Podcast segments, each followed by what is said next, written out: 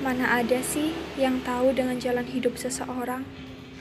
Bukan dari patokan seberapa berat beban yang dipikul atau seberapa menderitanya dia hidup. Bisa jadi aku tidak kuat jika hidup menjadi kamu. Tapi belum tentu kamu sanggup hidup sebagai aku. Apa sih yang sebenarnya diperdebatkan? Aku hanya ingin setidaknya satu yang bisa ikut mengerti, bukannya malah beradu nasib. Jika tidak sanggup, kita bisa bercerita. Jika bingung untuk bercerita, kita bisa memilih untuk diam.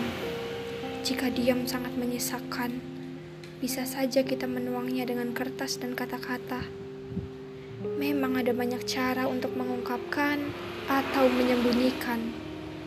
Bukankah tidak pantas jika menganggap remeh rasa sakit seseorang?